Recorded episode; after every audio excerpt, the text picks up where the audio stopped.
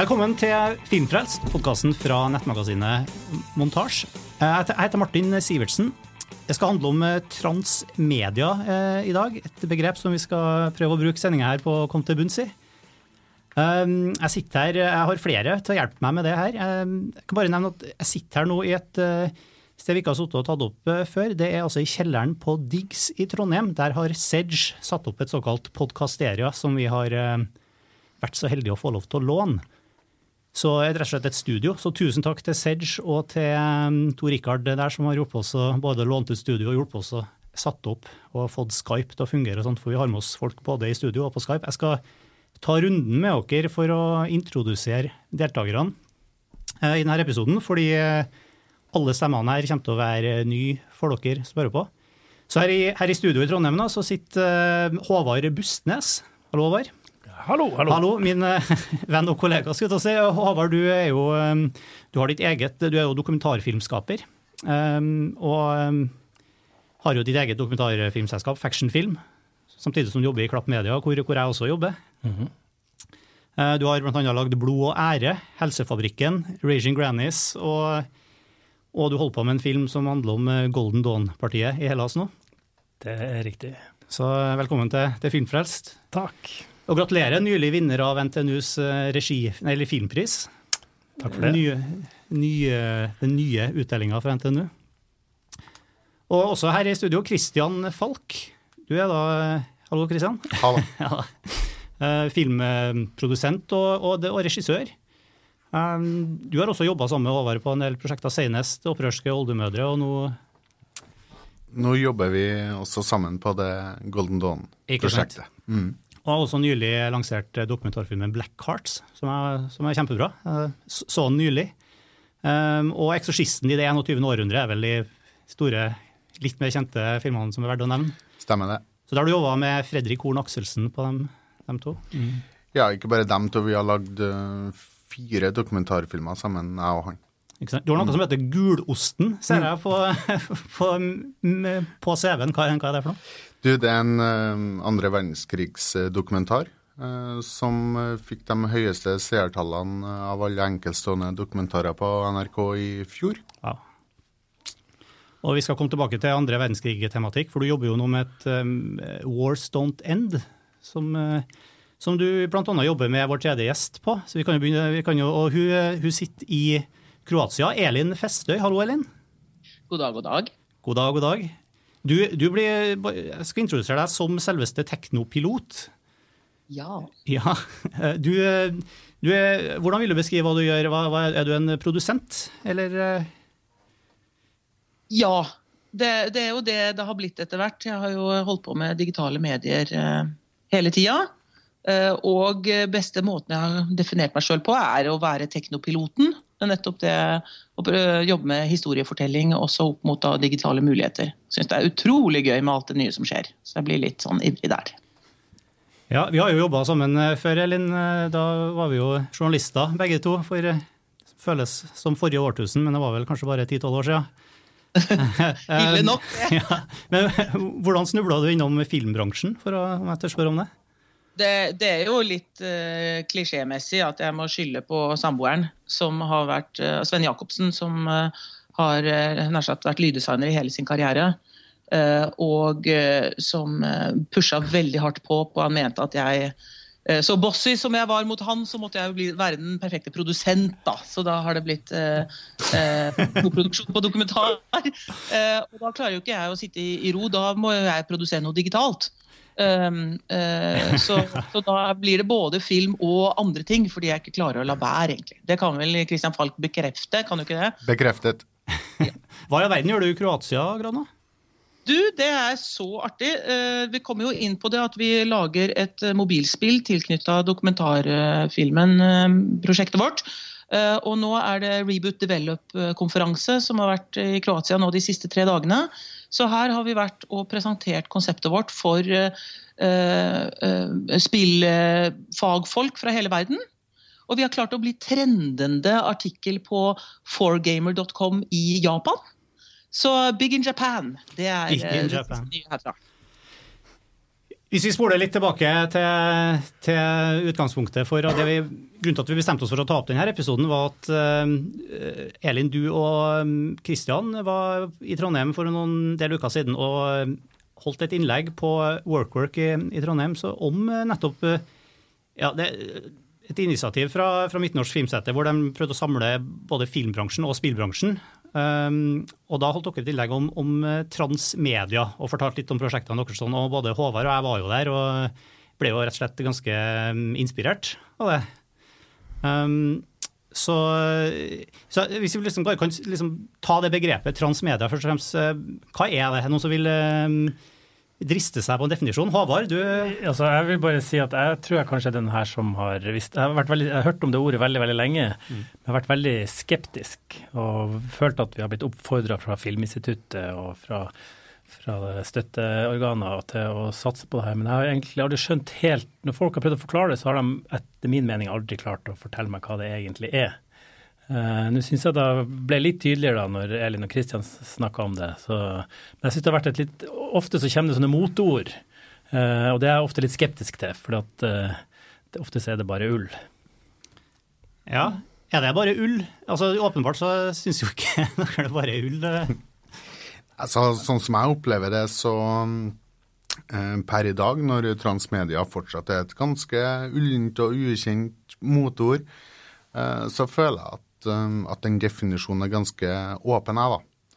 At du kan uh, gjøre at du har, uh, sånn som i vårt tilfelle, et uh, filmprosjekt der vi slenger inn masse andre komponenter som er basert på den samme tematikken, ikke sant, som er løst eller løselig eller um, relativt tett knytta opp mot filmprosjektet, og vips, så har man Eh, et transmediaprosjekt. Det, det ja. finnes fortsatt ingen liksom, dogma eller regler eller, eller sånn veldig begrensa tankesett for hva transmedia er da, per i dag. Jeg, jeg, jeg gjorde et forsøk liksom, på å slå opp det begrepet. Altså, altså det, vi snakker jo om ting som skjer i skjæringspunktet som involverer film, spill, internett, apps, VR. Men altså det, samtidig så ble jeg sånn, ganske sånn stram korreks når jeg fikk slå opp at det er ikke det samme som transmedia, som handler bare om å ta et, et film Eh, prosjekt og, og liksom ha en bok og en tegneserie om det. det, en, det vi snakker om noe litt nytt her, noe som har dukket opp eh, liksom, i den digitale tidsalder. Mm. Um, hvordan, du, her er jo det du jobber med på heltid, Elin? Ja, det, det, er jo et, et løselig begrep. Og, og det, jeg syns det er himla spennende. Utgangspunktet her er jo det at, uh, at med digitaliseringen så Eh, så kan eh, flere forskjellige medieformater eh, flette sammen på en helt annen måte. At det finnes et veldig potensial for å lage nye, spennende ting. Ny, spennende historiefortelling. Samtidig som det ikke egentlig har kommet så de store suksessene som har definert feltet for oss. Så det handler mye om at det er et stort potensial for å kunne det er egentlig to forskjellige hovedgrupperinger av transmedieprosjekter. Det ene er prosjektet hvor man har blandet veldig mange medieformer i én produksjon. Uh, og Det kan, kan være at man, at man, har en uh, Et eksempel er at man har en serie på altså, um, en filmserie på, uh, på, YouTube som samtidig knytter inn mot andre sosiale medier, og kanskje man kan ha interaksjon med brukerne. Altså at det er liksom én produksjon med blandings inni. Eller det at man har en transmedial strategi eh, som handler mye om å bygge community, et publikum. At man begynner med én produksjon, eh, prøver å få tak i sine følgere eh, og lage et community rundt den. Og så kan man presentere en ny produksjon i et annet medieformat til det samme communityet og litt nye målgrupper, og bygge synligheten. Så sånn sett, eh, Når man da gjør det som en sånn rekkefølge av eh, prosjekter, så er det en måte å utnytte digital distribusjon på. Det at det er mulig å nå ut til utrolig mange mennesker eh, via nett. Men det tar tid, og da må man liksom følge på og bygge oppover over tid. Um, ja, Så det er liksom de to eh, hovedklassene. Jeg vet ikke om det gjorde noe klarere, men ja, eh, Har du fått beroliga liksom, eh, IPO-ordinntrykket ditt, eller har du Ikke helt. Nei. liksom, litt av måten vi snakker om det på, føles sånn at man føler at det fortsatt ligger et litt sånn PR, for, altså en del av markedsføringa av filmen? det her at man liksom skal ha noe, Ja, da gjør vi noe på YouTube også. Så for, altså, eh, altså, hvor går skillet her mellom når de her transmedia-greiene eh, som man lager, eh, går fra å være del av markedsføringa, altså det er filmen som står i midten, og så er de her transmedia-greiene rundt. Når begynner de her eh, spillet eller eh, appen eller den interaktive opplevelsen på nett, eller hva det står liksom på egne bein og leve sitt eget liv? da? Det, det, handler om at det må gjøres med hjertet. Altså Det må være sånn at de forskjellige produksjonene at du faktisk går all in og du mener det. For det synes så utrolig fort om det bare er noe man lagde på si, eller om det faktisk er et genuin At man byr på en genuin opplevelse. Um, så Det er vel den store forskjellen. og jeg tror En av styrkene i prosjektet med Christian og meg, uh, som vi også har diskutert, er at vi, at vi, er to personer, sånn at vi kan ha fullt fokus på både da spill og film, som er der vi er nå. Fordi det trenger det. Skal det, skal det bli bra, så må man liksom være all in. Og gjør man ting litt på si, så blir det kanskje litt mer markedsføringsjippo. For da blir det jo ikke bra. Kan du få høre litt mer om det prosjektet, så vi er litt, uh, blir litt mer opplyst om, om nøyaktig hvordan dere ser på, og hvordan dere har kommet i gang med det her, og hvordan dere jobber med det? Ja. Uh, for tre år siden så, så starta jeg og regissør Dyraj Akolkar opp et um, det som den gangen var et ganske streit dokumentarfilmprosjekt om, om tyskerbarna i Norge, altså dem som var født av, av tyske soldatforeldre og norske mødre. Og så ønska vi å jobbe med Sven Jacobsen på lyd, og så viste det seg fort at Sven var samboer med ei helt fantastisk eh, kvinne, som vi har på tråden eh, her i dag. Som da skulle være eh, mer eller mindre sånn tradisjonell koprodusent for oss, da. Så, så, Elin og Teknopilot gikk inn som koprodusenter og skaffa litt midler til filmen og forskjellig, men uh, Elin, som dere kanskje har fått inntrykk av, er ei veldig entusiastisk og energisk kvinne, så det holdt ikke bare med, med, å sende søknader til regionale filmsentre og diverse, så Elin eh, begynte å boble over av ideer til hvordan vi kunne eh, bruke eh, tematikken til filmen, og delvis materialet fra filmen bli inspirert av eh, de historiene som vi skal fortelle i, i dokumentaren vår, Stuntin, og begynte å drodle rundt det. Hva mer kunne vi gjøre? Eh, og plutselig så satt vi med et ganske solid eh, eh, transmedia-prosjekt i, i, fanget. Og da var det jo helt naturlig at, eh, at Elin ble hovedansvarlig og produsent for den biten. Uh, mens, mens, jeg fortsatt prøver å styre den dokumentarfilmskuta. Og så håper vi å, å, på en måte møtes på, uh, på midten, da. Og, og, at vi um, selvfølgelig samarbeider tett og prøver å dra synergier fra, fra hverandre.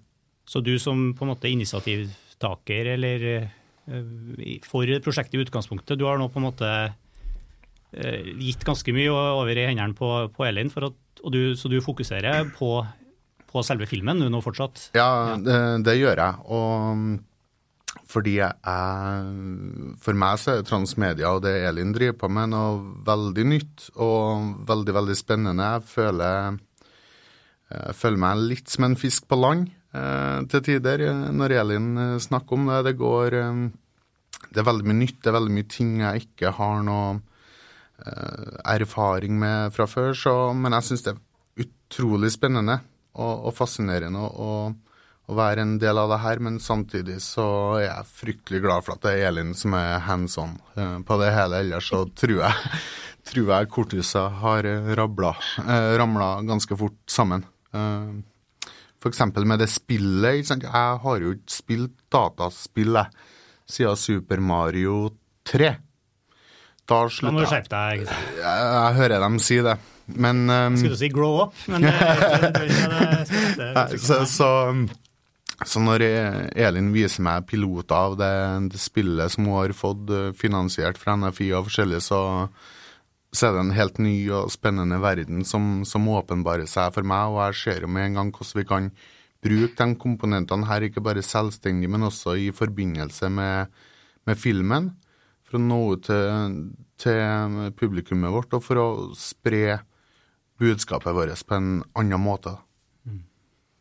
Og hva, hva som tenker, Når du kom, ble involvert her, Elin, hvordan ser du på det, på det liksom når det kommer inn en sånn tematikk? Det er jo ikke en sånn opplagt tematikk å lage altså Lebensborn-barn og, og altså Det er ikke et opplagt film, altså spilltematikk, det her? Um, Nei, det, det, er det jo ikke. Det, uh, det er jo også veldig en artig del av det. Det er vel noe med det at, at jeg, siden jeg ikke har den lange bakgrunnen i filmbransjen, uh, så blir det til at jeg ser på uh, og veldig mange dokumentarfilmer det handler jo om et veldig behov for å kommunisere en historie og, og skape um, innsikt og, og, synlighet for materialet man syns er viktig. Og det er det jo absolutt den motivasjonen som vi har når det gjelder tyske barnas skjebne og oppvekst i etterkrigs-Norge. Så for min del så er det jo den tematikken som er liksom det ledende. og Eh, og eh, Da blir det jo ønske om å nå ut til forskjellige målgrupper. Eh, og vi har mye om det at Dette er jo materiale som vi virkelig har lyst til at unge skal få innsikt i. Og at det ville passe veldig fint når man samtidig lærer om Auschwitz og andre verdenskrig. Og også få høre litt om at det var kanskje ikke så rosenrødt etter krigen heller. Eh, hvor, eh, hvor, da barn eh, ble dårlig behandla pga. hvem som var deres fedre, pga. deres gener. Som jo gir en litt ekkel parallell til det nazistene holdt på med. Og så da, Når man da ønsker å komme ut til en ung målgruppe, så er det kanskje ikke en dokumentarfilm hvor du da har eldre mennesker som snakker om sine opplevelser, som er riktig medium. Vi vet jo at 13-åringer de bruker mobiltelefon. Så Sånn sett så er det, det er jo da en transmedial innfallsvinkel å tenke at det er en viktig målgruppe. Hva vil være den mest relevante medieformatet for å engasjere dem? Så Det var jo egentlig sånn det begynte. at uh, Å se på om det kunne være mulig å lage en interessant mobilopplevelse for å nå den målgruppen. Og så klarte vi å Tusen takk til Østnorsk Filmsenter for um, å få utviklingsmidler, sånn at vi fikk jobbe sammen med Sarepta Studio, som er del av Hamar Game Collective, på å prøve å da lage et spillkonsept. Eh, som vi klarte så godt at vi satt der og var riktig så begeistret og tenkte at nå klarer vi å lage et kult mobilspill som blir veldig annerledes fra det som ellers fins av spill der ute, som kan få internasjonal oppmerksomhet pga. at vi har en annen innfallsvinkel, og som vi tror på som et standalone-spill. Og det er litt viktig, for det er mye jobb med finansiering og, eh, og det, det, kan være vanskelig å koordinere det her. Vi vet jo ikke helt når disse to produksjonene blir ferdig, sånn at det må kunne ha sitt eget liv også, da. Eh, og det har vi fått til. og det var veldig morsomt nå på Reboot å fortelle om det for første gang internasjonalt. Og få vel, mye interesse. Altså. Jeg er veldig fornøyd med tilbakemeldingen på det. Så bra. Jeg blir jo umiddelbart nysgjerrig på, på litt sånn Jeg er jo gamer. Um, hva, hva, er, hvordan fungerer et, hva er spillmekanismene dine? Hvordan, angriper du, hvordan lager du et spill rundt det, det temaet? Hvis du skal liksom beskrive hvordan, er, hvordan vil jeg spille det spillet, eller er det for tidlig å snakke om det? Nei da, kan ta en, en liten, uh, kjapt lite forsøk. Uh, for uh, det vi ønsker, det som er så genialt med spill, er at den spilleren er jo med på å ta valg. Og Det betyr at man blir eh, medskyldig, man blir implisert i historien. Så man får en ganske sterk eh, identifisering, fordi man er aktiv mot eh, materialet. I, forhold til eh, eh, filmmediet, hvor man er med betrakteren og kan bli veldig rørt, men hvor man ikke liksom, faktisk må gjøre noe eller ta noen valg selv. Så vi baserer det litt på eh, Mange husker Tamagotchi. Det fins også litt uh, nyere varianter. på... Selv Christian nikker, han er ja. gjenkjennende her. Mm. Ja. Jeg prøvde aldri, men My Talking Angela er litt nyere varianter, hvor du, hvor du på skjerm, mobilskjermen så har du et, et, lite dyr eller en liten figur som du skal pleie og, og fòre, og den skal sove, og du skal passe på den. Sånn nurturing. Uh, dette blir ikke et spill som man må innom hver eneste dag for å mate og pusse tenner. Det blir en spillopplevelse på to timer, men hvor du får presentert et barn som du skal ta vare på. Og som skal da, du skal følge gjennom det første året på skolen. Du er en slags fosterforelder. Og så vil dette barnet da oppleve hendelser som uh, tyske barna opplevde. Faktisk dokumentaristiske hendelser. Uh, og spørre deg hvorfor skjer dette, og du vil måtte velge hva du svarer barnet. Så utfordringen blir egentlig å prøve å gjøre det beste du kan for dette barnet. Da. Ta vare på dette barnet i et samfunn hvor det møter veldig mye motgang, og også hat pga. fem år okkupasjon med hat mot tyskere og nazister. Og at det vil gi en identifisering med situasjonen. Eh, og sånn sett eh, forhåpentligvis refleksjon og innsikt i hva, hvordan det er for den enkeltpersonen, det barnet. Som da også blir en helt annen fortelling og en annen innfallsvinkel på tematikken enn det filmen leverer. Som, eh, som, jo vil ha intervjuene med de faktiske personene. Så det gjør ikke vi. Vi lager da uh, lille Klaus, som du skal ta vare på. Mm. Uh, og så håper vi at det for, for 13-åringer vil bli interessant fordi de kjenner den kosesjangeren med å klappe og kose med valpen. Og så plutselig så er det noe hvor det kommer sanne historier, og, og, det blir vanskelig, og det blir kjipt, og det blir trist. Og i fokusgruppe så langt så ser vi at 13-åringene syns det er veldig spennende. At de blir liksom utfordra på, eh, på, et annet vis. Da. Så vi, så vi håper at det kan bli noe de gidder å anbefale til hverandre osv. Det høres ut som en veldig sånn, vanskelig tema som blir angrepet på en, på en moden og modig måte. Det er jo en viss sånn Det har jo kommet en del sånne Hva er ordet vi, vi brukte, Elin, for å beskrive den nye type spill? Papers, Please. Er det voksne spill, eller Serious Games, er det kanskje man, man kaller det? Hvor, hvor, hvor spillene ved også, også, gjør veldig mye ut av å, å formidle ja, alvorlig tematikk, da, utover det å bare skulle være underholdende. Ja. Serious Games eller også Empathy Games. Empathy har jeg hørt. Games. Mm. Uh, og det er, det er, en bølge nå. fordi uh, spill det veldig mye krigsspill hvor man skyter, skyter, og så har man forskjellige uniformer. Nå kommer det en hel det er nesten en ny generasjon av bølge med spill som ser på å behandle krig på en annen måte. Så vi passer veldig fint inn i en sånn ny trend der. Det merka vi også nå på Reboot. Ja, og, da har vi liksom introdusert spill som en, en av de her transmediadimensjonene.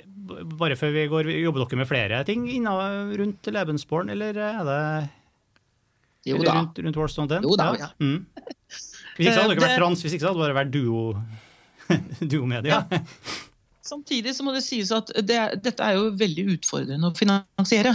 For finansieringsformene, formatene, går jo på klassiske medier. Så man kan få uh, finansiering for et spill, uh, man kan få finansiering for film, men alt som ligger sånn imellom, eller det å prøve å, å søke finansiering på en sånn en, eh, total eh, transmediepakke med mye rart i samme, da passer liksom ikke ordningene så godt. Så det, det, Vi har funnet at det, liksom det over, mest oversiktlige er å gjøre det som separate prosjekter. Men vi har også veldig lyst til å lage et uh, digitalt interaktivt museum. For filmen viser jo karakterene og gir liksom innsikt i de faktiske personene og, eh, og eh, tematikk rundt det. Så har vi spillet som da lar deg få oppleve på huden.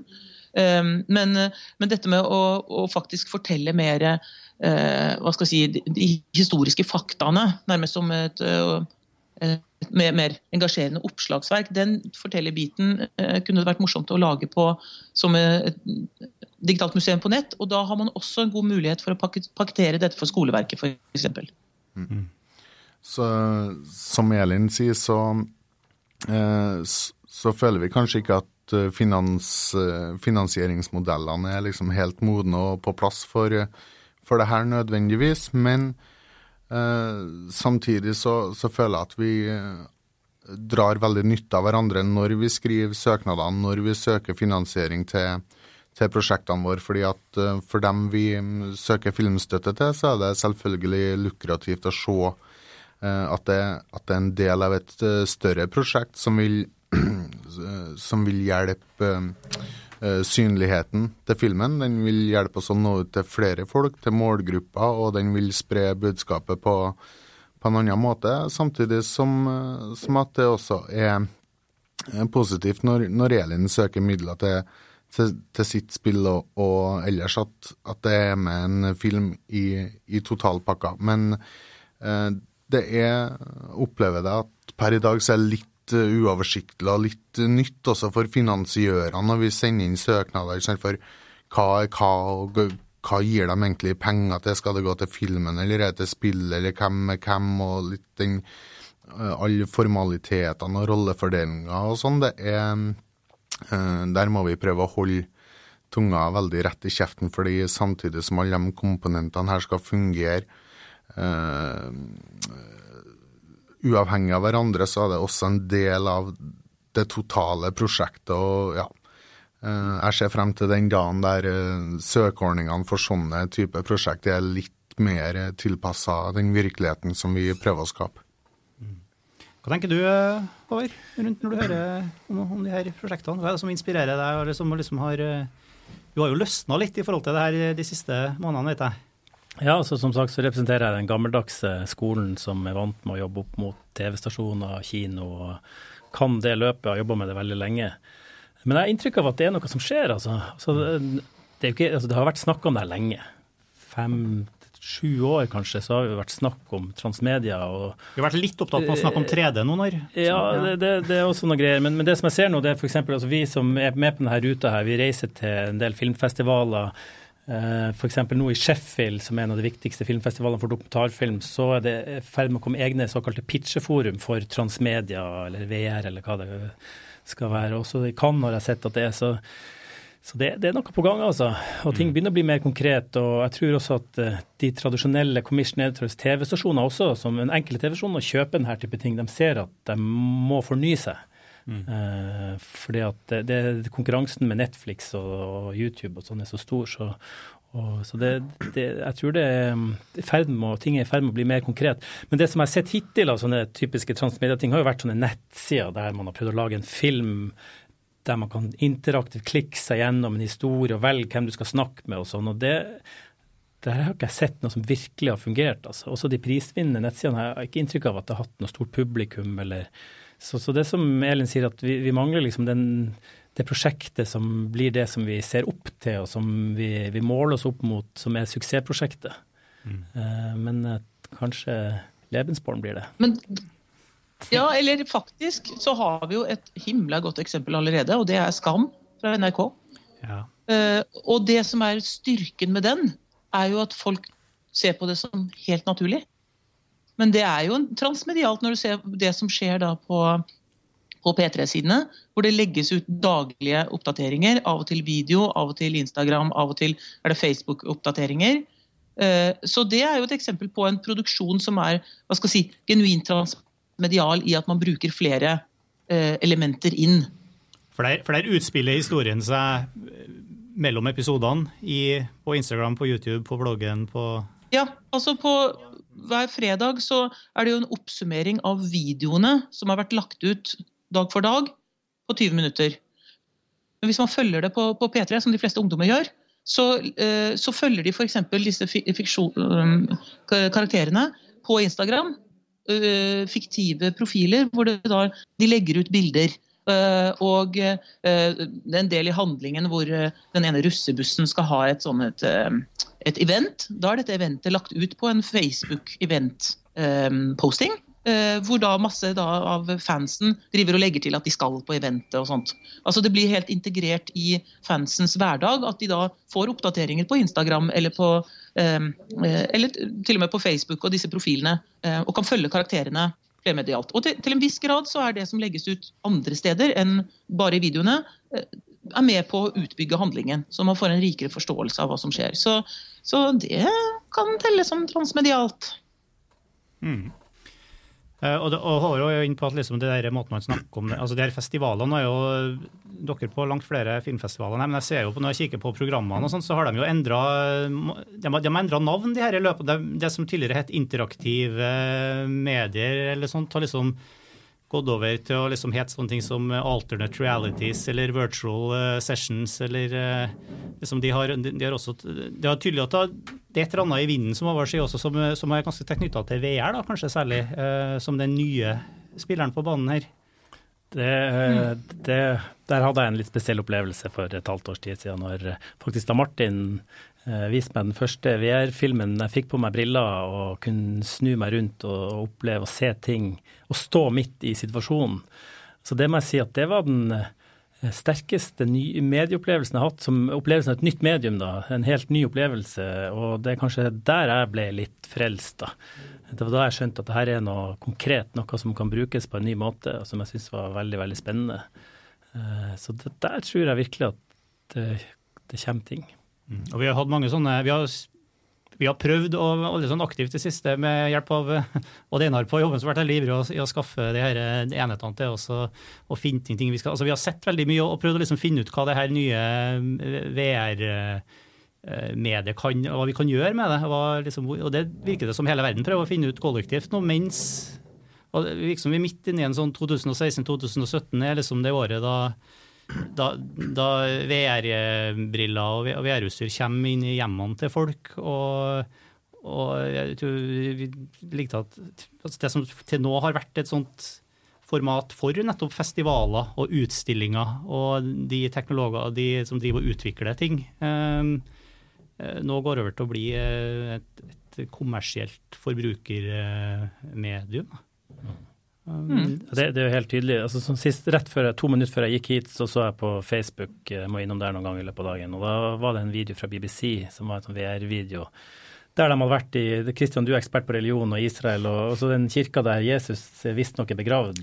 Holy Sepulchre. Der det var, BBC hadde en reportasje der de hadde en seremoni der de, det var noen flammer, Jesus, eller Den hellige ånd tent på noen flammer. Du kunne stå inni den kirka og se på det, den situasjonen i VR. Så hadde jeg hatt VR-briller, det har jeg jo ikke, men også på Facebook kan du snu deg rundt. Men du må ha på deg briller, det er veldig viktig. altså. Du er nødt til å ha på VR-briller for å få den opplevelsen. Og når du snur hodet rundt og føler at du er i det rommet, så er det veldig spesielt. Det hørtes jo revolusjonerende ut, for at eh, den flammen den skal jo på en måte dukke opp av seg sjøl gjennom Gud.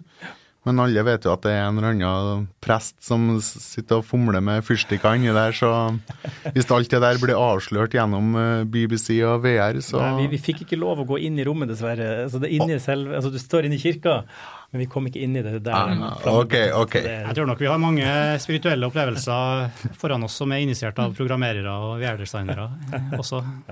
Men det, det, er jo et godt eksempel på en ting som VR gjør veldig bra, er at vi kan være til stede på steder hvor vi normalt ikke vil ha tilgang. Enten fordi det er forbudt sone for oss, eller fordi de lå f.eks. tilbake i tid. Eh, The Guardian har nå lagd én eh, Eh, produksjon som heter 6 ganger 9 som er rett og slett eh, isolatcelle i et amerikansk fengsel. Hvor man da får, får liksom litt plassfølelsen av hvor stor er denne cella. Og så går det da narrasjon og forteller om folk som forteller om hvordan det er å sitte der, og også statistikk. Og så får du informasjon presentert på veggene og liksom i det rommet du er. Som et eksempel på hvor VR-formatet faktisk er med å bidra til å gi innsikt i isolasjon. Da. Ja, og Det som var litt ekstra interessant med den, eh, tenker jeg, for at, uh, det var jo også at uh, så vidt jeg forstått, Nå har jeg ikke sett den i VR, den opplevelsen, men de har også gjort ganske mye forsøk på å Eh, spiller på det at du er en sugeobjektiv Altså det du som eh, seer, da, eller som deltaker, tilskuer i den væropplevelsen, faktisk eh, skal få en slags sånn opplevelse av hvordan det er, altså hva det er å være i et sånt sånn enecelle gjør med deg Eh, at det har ganske store uh, psykologiske effekter og, som forplanter seg i, i, måte, i syn og i vibrasjoner. Altså de, jeg husker jeg, snak, jeg hørte et intervju med en av dem som var med og regisserte det prosjektet. Da, og de liksom, liksom tatt det her med at fanger beskriver at de i løpet av så, så lenge tid begynner Noen ganger har de følelsen av å sveve i rommet eller å føle at synet deres blir, um, blir uskarpt og de begynner diverse former for sånn visuelle hallusinasjoner. Og, sånn, og det, har, det er da forsøkt gjenskapt i den væropplevelsen, sånn at du skal kunne oppleve mm. også det. Ja da, um, du gjør det. Du svever liksom over senga uh, og ser ned og um, så, så, du får eh, en del sånne ting. Nå, jeg vil ikke si at, uh, at jeg føler at jeg har sittet på isolat. Altså, det er jo ikke så sterk identifikasjon, men absolutt interessant. Og du hører lydene gjennom veggene. Uh, og du kommer jo mye tettere på, da. Eh, men du, det er klart det, det, ja. Mm. det er litt, litt, litt, mer enn det man får til et, i klassisk medium. Da. Det er i hvert fall, eh, Vi har jo snakka en del om det allerede. og Det som dukker opp når vi snakker om det, var at det er masse nye narrative utfordringer her. Altså det, det Man begynner med å tenke å ja, nå er det bare 360-video, nå tar vi bare opp mm. Nå lager vi bare noe med et nytt kamera, men eh, mm. det her er VR, AR, alt. Ja, absolutt. Altså, jeg, jeg, som dokumentarist blir jo veldig ivrig og tenker wow, nå kan jeg lage en dokumentarfilm i VR. og så kan du sitte med VR-brillene, og så sitter du i hver scene og tenker tradisjonell fortelling, og så kan du sitte i rommet og se deg rundt. Se for meg plassere kameraet midt på bordet, og så det er en dialog. altså Jeg lager jo scener ofte. Eh, og tenker meg at så må bare jeg som dokumentarfilmskaper gå ut av rommet og håpe at det kommer noe. Det er en litt ny måte å være fluen på veggen. Fluen midt på bordet. Eh, så, så, det syns jeg var spennende. Men så begynner du å tenke OK, hva betyr det her i praksis? Eh, vi bruker jo klipp. Altså, det, hvordan klipper du i VR? Altså, hvordan, uh, hvordan flytter du kamera? Og jeg har prøvd litt uh, noen, noen, eksempler der du blir veldig fort svimmel, f.eks. Altså hvis du har på VR-bilder og kameraet er ustødig og beveger seg, sånn, så det er en del sånne utfordringer. Men, men det, er jo, det, er jo, litt sånn, det med nye medier. Altså det, altså det, det, er jo litt sånn, En av de første filmene jeg så, så var det, var det tog som kom mot meg i full fart, og du bare kjente den der opplevelsen av at du blir livredd. Og hva var den første filmen som ble laga? Var ikke det noe med tog? Så, det var i hvert fall en eh, sånn eh, kjent filmhistorisk uh, greie da en av de første filmene ble vist for et publikum i New York, eller hvor det nå var, sprang, folk sprang ut av kinosalen. I, i terror. Ja. Så, så, det kan hende at dette er litt nytt. Altså, du, det, du må, må, lage filmmedia litt på en ny måte. Jeg vet ikke, altså, jeg tror fortsatt at vi skal ha kino, og sånn, men, men, det er en ny mulighet altså, som jeg syns er spennende. Mm. Jeg kan også nevne en annen, film, en annen VR-opplevelse som jeg syns var veldig interessant. Det var en, sånn, en, en opplærings-VR-opplevelse der du kunne bli med inn i blodårene, altså som en opplæring, tror jeg, kanskje mot barn, jeg vet ikke, eller mot, mot hvem som helst for så vidt. Og mm. Det var også veldig veldig spesielt der du fikk se blodåresystemet og hva som skjer når du har et sår, og du fikk se de forskjellige blodlegemene. og Fungerte utrolig bra, altså. En ting som er artig, for det, det er jo masse utfordringer. og uh, Man tror jo også at, uh, at uh, briller og teknologi vil utvikle seg voldsomt de neste to-tre åra. Men én ting man vet allerede når det gjelder dokumentar, er at opplevelsen av dokumentar i 360 er mye sterkere. Det, man får mye større tillit til materialet fordi man ser alt rundt seg. Så, så, man liksom ser at det er sant. Det er en måte på hvor manipulert det kan bli. Og bare det er jo, og også det at en del eh, eh, får problemer med å huske at, eh, at, de ikke har opplevd det selv. Fordi det funker faktisk så sterkt at man tror man har vært der. Eh, så, så, bare det er jo grunn god nok til å virkelig utforske det når man driver med dokumentar. Jeg tror også at eh, ja, jeg, jeg tror det er veldig, det er så, Vi har jo bare så vint, så vidt, begynt, og det er jo bare de early adapters som har i hele tatt hatt på seg et sånt VR-headset i det hele tatt nå. Så, så, det er jo åpenbart at vi har utrolig mye å finne ut av eh, hva vi kan og skal eh, lage og bruke der til, men også hva, hva, bør vi lage og bruke det altså, Hva er det forsvarlig? Altså, vi, det er jo utrolig mektige opplevelser. Vi ser det jo allerede, før vi virkelig har begynt å perfeksjonere teknikkene våre. Så, og det har masse applikasjonsområder i, i utdanning og, og underholdning og, og, og helt sikkert også i forskning. Altså, kan lære utrolig mye om, om hjerne og syn og, hørsel og mye sånt. Men altså det, det de sier, det de tidlige, sånn som jeg har sett, folk som forteller hvordan de liksom måttet til, tilnærme seg det å lage spill. For, for VR eller sånt. Altså, Eh, nettopp det du sier, eller at alt blir så mye mer eh, Alt forandrer seg når du, når du er inni det, istedenfor å se på ting fra utsida i en sånn tredjepersons uh, situasjon. At, at, du må liksom begynne å tone ting, faktisk. Fjerne, du liksom, folk blir svimmel, folk blir kvalm. beveger du kameraet på uforutsigbare måter, eller bryter forventningene som, som, kroppen din har til, til, til, det som skjer i det virtuelle miljøet. på en måte, så så skaper du ganske mye sånn eh, ubehagsfølelser hos folk potensielt. da, som i neste omgang det viser seg at folk faktisk tilpasser seg hvis de blir utsatt for det lenge nok, og kanskje får ubehaget når de tar av seg headsetet igjen.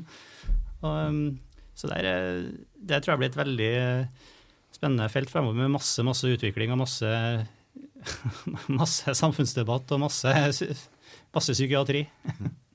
Jeg vet ikke om dere tåler enda litt mer eh, sånn fremtidsvyer og optimisme. Jeg var på Tribeca for to uker siden, og da er det bl.a. noen som jobber med, med, sånne nye briller som leser ansiktsuttrykket ditt. Sånn at man skal kunne stå i en VR-opplevelse og ha sitt eget ansiktsuttrykk. Eh, og hvor, hvor, eh, Hun brukte som eksempel at eh, hvis du da smiler til denne karakteren i denne fiksjonsopplevelsen, kanskje du ender opp med å bli gift med den. Mens hvis du er kjip mot henne, kanskje hun stjeler lommeboka di. Så når du kan ha branching narratives på den veien, og du faktisk er delaktig og det er Mye av snakket nå går på dette med at det er litt kjedeligere å stå i VR og se på to som snakker. Men, du, Men hvis de snakker til deg Ja, for Det du sier der, det, er jo en måte å være interaktiv på og gjøre valg i filmen. Altså den interaktive filmen, du velger historien. Det har jo liksom vært snakka om, så det har egentlig aldri funka helt. Men det du sier nå, er at eh, hvis man liksom handlinga blir utfallet av opplevelsen blir veldig styrt av blikk og smil, og sånn, så kan, kan jo være en deltaker her og være med og gjøre valg og påvirke historien uten faktisk å være klar over at det er det du gjør en gang. Altså at du, du, tar valg med et smil eller jeg må påvirke ved, ved, hva du ser på, men uten at du faktisk har klikka på et menyvalg eller valgt en, trykka på en knapp som sier at nå velger jeg den retninga. Altså, det er også en ganske sånn ny, ny, ny, helt ny greie. da. Det kan bli deilig infamt, kan det bli.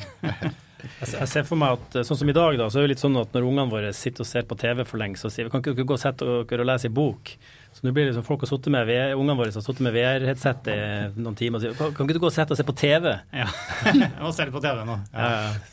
Ja. um, bestefaren min, han uh, nekta å kjøpe TV i sin tid. På tidlig 60-tallet eller noe sånt. Det var bare et blaff, sa han. Og ikke noe vits å bruke penger på.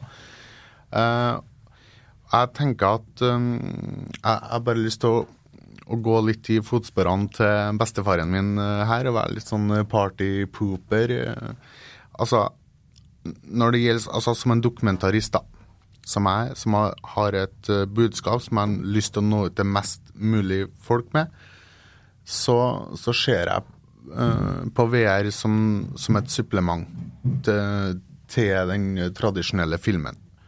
Uh, fordi at eh, per i dag, og selv om utviklinga kommer til å gå veldig fort fremover, så tror jeg at vi skal vente i mange, mange, mange herrens år før VR er noe du finner i alle hjem eh, på alle kontinenter. Så jeg tenker hvis man har en dokumentarfilm, hvis man har et budskap man vil ut med, så må VR bare være et supplement, et hjelpemiddel til den tradisjonelle filmen. fordi Eh, per i dag så er det jo bare et eh, fåtall heldige utvalgte som i hele tatt har prøvd eh, VR-briller. og vi må ikke glemme at vi i Nord-Europa er et veldig privilegert folkeslag, og i den store, vide verden rundt oss så det, kommer TV til å gjelde i, i mange, mange år fremover. Så jeg skal følge med på VR-utviklinga med øh, åpne øyne og åpent sinn, men øh, jeg har ikke tenkt å legge tradisjonell filmskaping på hylla overhodet. Det tror jeg ikke du bør gjøre. Men jeg, når mobiltelefonen kom, sånn, husker jeg sa, det gikk et par år, og sa nei, det skal ikke jeg ha, nei. mm, men, men øh, ja, la oss ta mobiltelefonen. Altså, hvis du ser på statistikker, Altså den mobiltelefonen som vi på en måte har gjort til en uh, kroppsdel, nærmest sjøl. Hvis du ser på statistikker over, over, verdens befolkning, så er det faktisk fåtallet som eier en mobiltelefon. Det er ikke noe selvfølge, det. Uh, på samme måte som jeg mener at VR-briller ikke kommer til å være en selvfølge i folks mediehverdag på veldig lang tid framover i et globalt perspektiv. Og som filmskaper i dag, så, så kan vi faktisk uh, tenke globalt og, og, og, se for oss at vi har et eh, publikum fra Taiwan til Alaska. Og det er dem vi skal prøve å nå ut til, uansett hvor moro det er å leke seg med ny teknologi og duppedingser. Nå snakker jeg kun som en Eh, engasjert eh, dokumentarist her. Mm. Har du noensinne tatt på deg et VR-headset? Kristian? Eh, Jeg håper å få prøve det bort til, til Klapp senere i dag. ja, det bør du absolutt benytte sjansen til. Men jeg tror du har helt rett i det, men samtidig så, så tror jeg at det, akkurat nå så er det en mulighet, for det kommer til å være en veldig tørst etter den type innhold en periode. Så hvis du er litt tidlig ute, så kan du nå et ganske stort marked fordi at folk kjøper seg det her og har lyst til å se hva det kan brukes til. Jeg tror ikke vi kommer til å slutte å lage vanlig film for, for 16.9 eller 4.3 eller widescreen eller hva det blir. Det tror jeg funker bra lenge. Ja, vi kan droppe den 4-3-greia, tror jeg. men, men, men, det er jo la alle blomster blomstre. Eh, mm. Det er jo ikke det at, eh, at, eh, det er noe behov for å velge det ene over det andre. Men at man får flere uttrykksformer, og at man kan se på materialet sitt og se vil det hvilke medier vil det egne seg for. Mm. Nettopp. Eh, og det er jo det jeg føler at eh, vi to gjør da, Elin. Ikke sant? I, I vårt eh, prosjekt vi tar det beste fra alle verdenene. Og når man slår det sammen, så har man på en måte, hvis man gjør det riktig, maksa ut potensialet i, i å nå ut med budskapet sitt. Hvor er dere i løypa nå med, med Wars Don't End-filmen og Levensborn-spillet? Du nevnte i stad at dere visste ikke helt når ting ble ferdigstilt, men er det her noe vi vil kunne Coming soon to an iPad near you, eller er det, snakker vi neste år, eller snakker vi år? Nei da, det er sk- skremmende nære, skjønner du. Neida, altså, vi- håper å ha eh, klart for lansering slutten av oktober, begynnelsen av november. Men uh, ting kan skje. Eh, og bare nå på Reboot så fikk vi noen eh, veldig interessante kontakter på noen som kanskje kan hjelpe oss. Og hvis man går inn i noen sånne prosesser, så kan det jo hende at det tar litt lengre tid og sånn. Men det er, det er slutten av oktober som er eh, planen nå, da.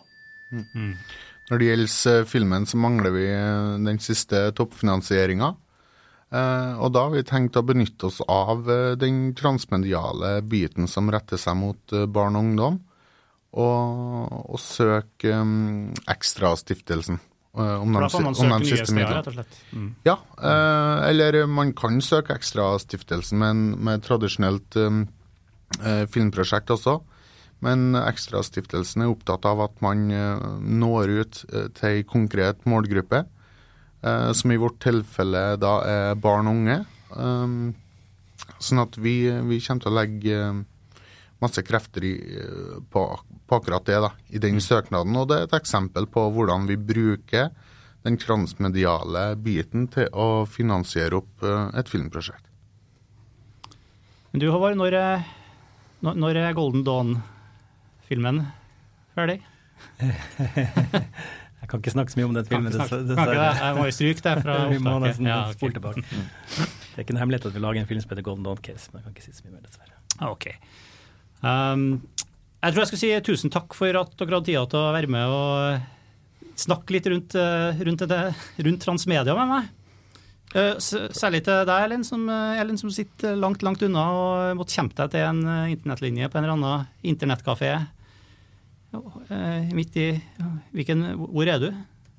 Jeg sitter i Split i I Kroatia. I et lite smug. Ja, det er synd på meg, vet du. Ja. Ut, ut i sola igjen nå. Ja, ute i eh, lett duskeregn, men det er i hvert fall ikke snøfall i april. Ja. Ok, Tusen takk, Elin Festøy, Kristian Falk og Håvard Bussnes. Og tusen takk til Sedge, som lånte studio til oss for den anledninga her. Vi høres igjen snart. Ha det bra.